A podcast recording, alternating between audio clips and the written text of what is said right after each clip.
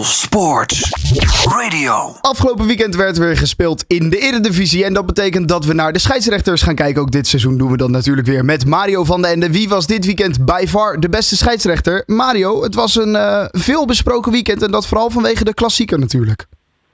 Ja, natuurlijk. Ja, die, uh, ja als je zo'n uh, op papier topwedstrijd ja, moet staken ja, ja daar, heeft, daar heeft natuurlijk iedereen het over. En uh, ja, we zitten nu op dinsdag. En uh, ja, het is nog steeds het gesprek van de dag. Ja, we, we, houden er maar niet over op met z'n allen. En dat heeft natuurlijk ook wel een uh, reden. Omdat zo'n topwedstrijd wil je natuurlijk niet dat die stil komt te liggen. maar goed, dat zijn op dit moment wel de regels. Uiteraard waren er nog meer wedstrijden dan alleen de klassieker. En daar komen we vanzelf nog wel op. Op uh, die natuurlijk die wedstrijd floot. Maar wat is jou nog meer opgevallen dit weekend? Ja, er zijn toch een aantal zaken die, uh, ja, die ik even net zoals uh, ja, de afgelopen week even wil bespreken. Uh, gaan we even terug naar de avondwedstrijd van, van vrijdag. Dat was Go Ahead Eagles tegen Fortuna Sittard. geleid door Bas Nijhuis, die ja, prima beslissingen weer met onbegrijpelijke beslissingen afwisselen. Zoals bijvoorbeeld een gele kaart die werd getoond aan Lorenz Rossini van Fortuna Sittard. Ja, na een harde tackle van achteren op Oliver Edwardson. Uh, waar iedereen rood verwachtte. Uh, maar ook VAR van de Kerkhof uh, niet leek durven in te grijpen. dat bleef dus bij geel. de VAR, Martin van der Kerkhof, die, die, Martin van der Kerkhof, die, ja, die deed in ieder geval wel zijn werk heel goed toen hij terecht ingreep. Toen de bal op de stip lag in het stadsgebied van Fortuna Sittard. Nijhuis had aan het vasthouden van Rodrigo Goed een strafstop toegekend. En dat hij Philip Rommers op zijn schouder zijn hand had gelegd en teruggetrokken. Maar goed, hij werd eh, terug, eh, terecht teruggefloten omdat de VAR uh, ja, in ieder geval de overtreding duidelijk had gezien dat hij buiten, een meter buiten het strafgebied was gemaakt. Dus wat dat betreft was het een hele goede VAR-ingreep. Maakte overigens niet zo uit, want uh, de bal werd toch in ieder geval vanuit die toegekende vrije schop in plaats van die strafschop nu gescoord. Dus de 3-0 werd in ieder geval terecht ja, goed gekeurd in, in zoverre dat de VAR goed werk deed. Ja, uh, bij Volendam Heracles uh, was het weer zo'n wekelijkse onderbreking. Uh, voor het veld werpen van een plastic bekertje. Nou, nu weer het vieren van de 2-2 van Volendam en Robert Muren.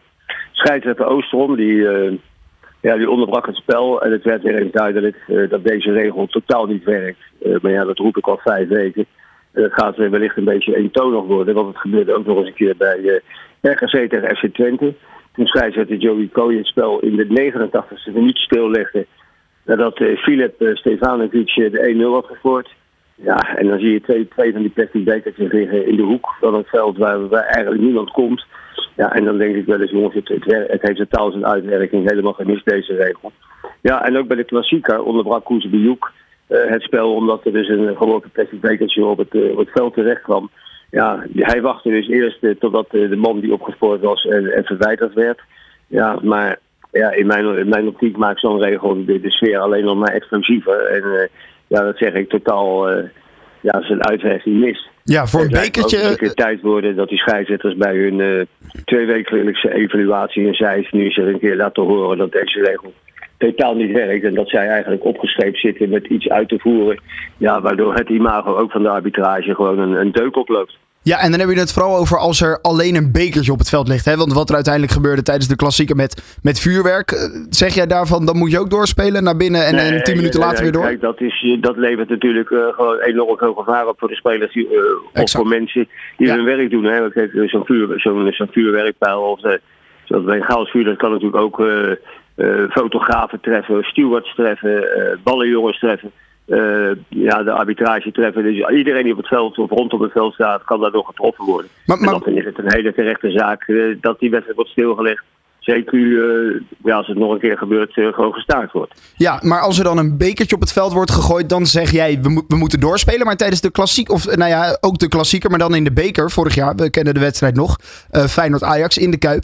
Kreeg Klaassen natuurlijk een aansteek op zijn hoofd. Is er dan wel een verschil of er gegooid wordt naar een speler of gewoon op het veld? Ik denk dat dat wel iemand kan verwonden als er met een harde uh, ja, en het, ik, ik, geloof nog zelfs dat het een batterij was hoor, die hij op zijn hoofd kreeg. Oh, oké. En uh, kijk, en ik heb, ik heb toen Davy Klaassen, die hier in de buurt toen nog woonde, een keer daarover gesproken. Die zegt, ja, voor hetzelfde geld heb ik een hersenschudding. En dat, uh, ja, dat is toch even van een andere orde. Ja, exact. Dus als er naar een speler wordt gegooid, dan is dat wel van een, uh, van een andere orde inderdaad dan dat er gewoon naar het veld gegooid wordt. Althans, gewoon tussen haakjes natuurlijk. Ja, en, dat, en als iemand geraakt wordt natuurlijk. Ja, ja, ja exact. exact. Ja. Um, nou, nou, ja, goed. Ja, dat, uh, heb je nog uh, andere scheidsrechters die je nog wil benoemen?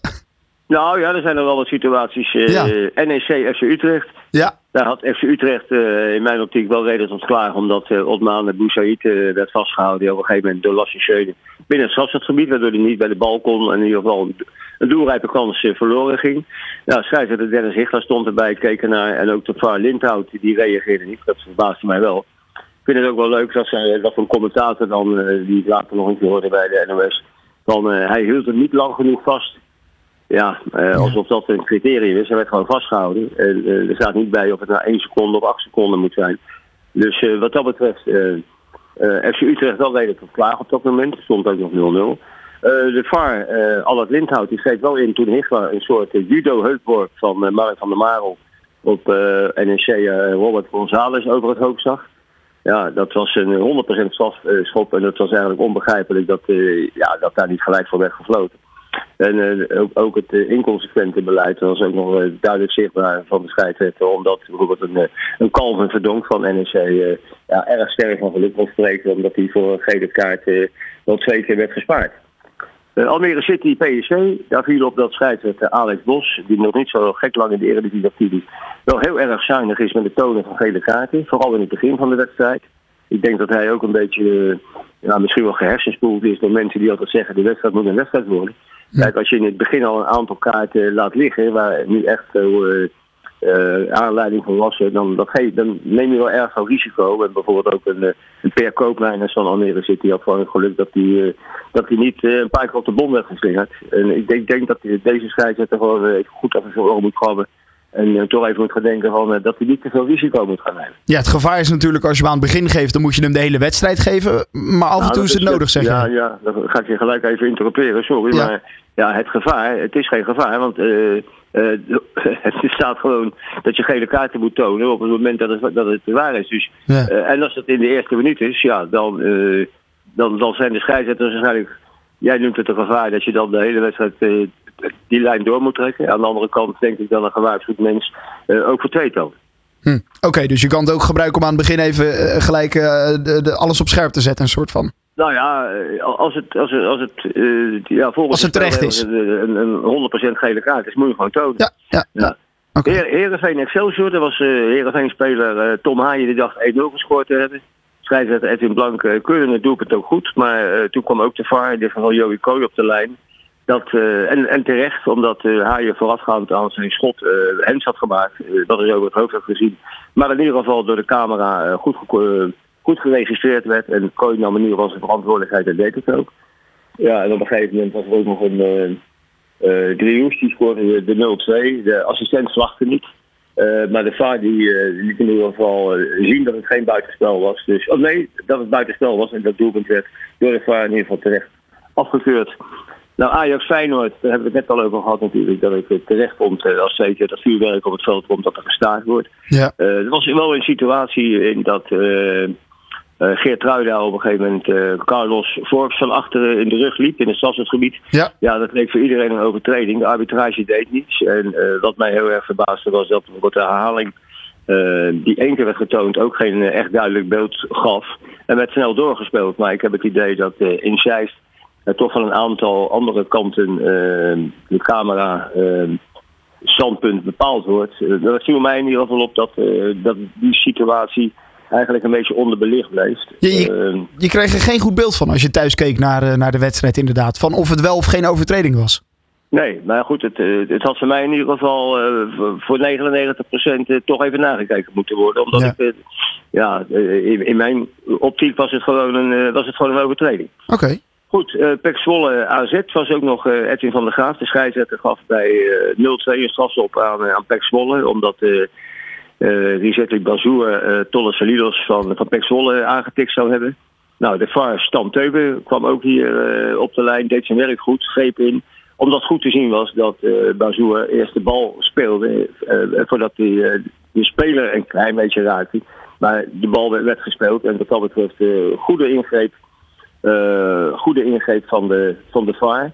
En ook de VAR deed zijn werk goed bij eh, Sparta. Eh, dat, was wel, dat was wel heel aardig. Dat was op een gegeven moment in die wedstrijd twee keer een, buitenspeldoelpunt werd afgekeurd omdat ja, de, de, doelman die, die trapte uit. En die bal kwam natuurlijk bij uh, Augustus Arcello en ik bij Joshua Titolano terecht. Ja. ja, die liepen door, die scoorden allebei. En ja, terecht, terecht afgekeurd met het lijnenspel. En ik vond ook het wel heel mooi. De, mooie reactie van Sparta-trainer uh, Jeroen Rijsdijk. Die zei dat het het uh, lachertje van de week was. Uh, toen die doelpunten werden afgekeurd. Maar ja, ik denk dat hij de beelden met de lijnen nog eens een keer voor de geest haalt. Dan, dan zal hij misschien wel weer lachen. Maar wel als een boel met kiespijn. En ja. uh, tot slot wil ik alleen de RKC Twente benoemen. Ja. Op een gegeven moment was het uh, de bal ja of nee over de doellijn. Toen FC Twente speelde Michel Klap uh, de bal duidelijk, ja, tenminste onderkant plat. de bal kwam ja nee over de doellijn. En hier zag je dus op de beelden, omdat er eindelijk bij RKC doel, camera's op de doellijn zijn geposteerd, dat de bal niet de doellijn had gepasseerd. Dus wat dat betreft zie je dus dat een cameraopstelling uh, in het verleden was het de RKC toch wel even iets anders geregeld. Ja, dat het gewoon zijn waarde heeft. En uh, daardoor werd dit doelpunt, uh, laat ik zo zeggen, het werd niet geteld. En er was ook geen discussie over. Nee, dus nee. dat waren een beetje de, de situaties ja, van deze week. Ja, de optische illusie van een camera die er niet recht voor staat, die, die kan je soms aardig voor de gek houden. Nou, dat is bij deze dus bij RKC inderdaad opgelost. Ja, omdat hij nu, omdat hij nu dus loodrecht op de, op de, op de loelijn staat. Exact. Dat, ja, dat werkt dat werkt gewoon zijn vrucht af en dat zag je afgelopen zondag bij RKC. Daarom. Laten we naar de cijfers gaan, eh, Mario. Wie is de beste scheidsrechter van het seizoen? Dat bekijken we eerst per week. Dit is by far de beste scheidsrechter van de week. Met Mario van den Ende. Ja, de cijfers die zijn niet al te hoog. Ik zie een 5, een 5,5, nog een 5, een 6, een 5,5, een 6, een 6 en nog een 5. Er zijn uh, weinig uh, ruime voldoendes gevallen, Mario, dit weekend. Nou ja, dit, ik heb ook net uh, gewoon een groot aantal voorbeelden genoemd. Ja, zeker. ja, die, die, ja, die gewoon even aangetipt moesten worden en die gewoon beter moeten worden. Maar Martins, Bos en Blank, die kwamen er als beste uit. En we hebben Koesbejoek nog geen cijfer gegeven. Nee. Omdat die wedstrijd natuurlijk uh, vroegtijdig is uh, gestopt. En uh, er kan natuurlijk nog heel veel gebeuren. Ja, als je dus, hem... Tot, wat dat betreft kunnen deze drie, ja, in ieder geval even met koffieautomaten kunnen, kunnen zeggen van... even nou, opscheppen. We hebben in ieder geval deze week het, de toetswet kritiek doorstaan. En, ja. ja. goed, en dan gaan we maar ons ja, even wakker maken voor volgende week. Een scherp zetten voor volgende week. Volgende week hebben we NEC Vitesse. dat is een ja, een, een pittige uh, Gelderse derby. Zeker. Waar ook heel veel uh, emotie en sentimenten omheen hangt. Daar staat scheidsrechter Sander van der Eyck aangesteld. Een, jonge scheidsrechter. Ik, nou ja, hij staat wel op de internationale lijst. Maar ik had bij deze scheidsrechter had ik er toch iets, een zware kaliber verwacht. Hm. En, en we hebben natuurlijk morgenavond, tenminste als het allemaal doorgaat, de KNVB heeft vastgesteld dat uh, Ajax uh, Feyenoord moet worden uitgespeeld. Ja. Uh, ja, waardoor natuurlijk de wedstrijd Ajax-Volendam is uitgesteld. Ik, ik begrijp dat Ajax, maar zeker Volendam, daar problemen mee heeft. En ja, in mijn optiek is dat terecht, omdat, ja, omdat er in mijn optiek totaal geen rekening wordt gehouden met, met Volendam in dit geval. de KVB heeft één taak en dat is het ordentelijk verloop van de competitie garanderen. Nou ja, dan moet je ook alle deelnemende ploegen gelijk behandelen. En uh, ik, in mijn optiek zie je hier toch terug dat in Zeist heel weinig gevoel is voor wat er bij, uh, bij veel clubs, en ook in dit geval bijvoorbeeld bij een Volendam leeft. Ja. Want uh, ja, je kan het niet zomaar. En ik snap heel goed dat zo'n wedstrijd problemen met zich meebrengt. Maar ja, ik denk dat je voor iedereen rekening moet houden. En ik denk dat Volendam hier uh, toch weer een beetje het kind ook van de rekening is. En jij zou dan zeggen, haal die wedstrijd, nou ja, volgens mij als je naar de schema's gaat kijken, pas begin november in. Nou zeg maar de, wedstrijd uh, wordt, Ajax-Feyenoord. Ik, ik lees nu ook, eh, je moet een 0-3 laten of 0-5 van maken. Ja, Kijk, eh, er er zijn natuurlijk ook al competities, eh, een aantal jaren geleden beslist, eh, door, eh, door het doelsaldo. zeker. Dus ik vind gewoon dat in ieder geval die wedstrijd, eh, zo'n volledige 90 minuten, eh, moet, eh, ja, moet, moet afgerond, eh, afgerond worden in, in Ja. die 90 minuten. Omdat één doelpuntje het verschil kan maken. Ja. Ja, maar ik denk in ieder geval dat eh, een programma wat je nu hebt samengesteld. En, eh, en zeker als er dus clubs daardoor gedupeerd worden. Ja, dan. eh kijk, Volendam heeft al een keer het schema om moeten gooien. Omdat, omdat Ajax. Eh, tegen Lode Gronets moest spelen, Ja, weet je, tegen, Europees. Bulgaren. Dus, en nu, nu zijn ze weer het kind van de rekening. Dus ik, ik snap heel goed dat in Volendam eh, ja, daar een beetje de, de, de alarmbellen, maar in ieder geval ook eh, de, de boosheid richting, richting Zeist. Ja, dat dat naar voren komt. Ja, nou, Jan Smit eh, gisteren op Instagram liet hij wel het een en ander daarover horen. Ook hij nam de woorden competitievervalsingen in de mond. En eh, nou ja, plaatste inderdaad dat het eh, niet kon. En dat nou ja, Volendam inderdaad opnieuw het kind van de rekening is. En dan ja, zeggen zij omdat ze Volendam zijn en omdat ze geen Feyenoord zijn. Goed, we gaan dat allemaal in de gaten houden. Want er komt volgens mij nog een hoger beroep aan. Dus of die wedstrijd echt woensdag gespeeld gaat worden, het is nog even de vraag. Het cijfer van Guzebujuk, dat komt dan als die wedstrijd is afgerond, hè? Ja hoor. Ja, Oké. ja. Hartstikke goed. Eh, Mario, dankjewel. En eh, nou ja, tot volgende week. Nou ja, nee, nee, nee, want deze week ben ik ook nog bij jullie. Want we hebben vrijdag natuurlijk ook nog de uitzending van Bloed, Zweet en Tranen. Waarin eh, de, de oude ja, Ajax, Feyenoord, FC Utrecht International John van Loen te gast is. Zeker. Dus, vrijdag inderdaad, tussen eh Ja. 3 en 4. Eh, goed dat je het nog eventjes zegt, Mario.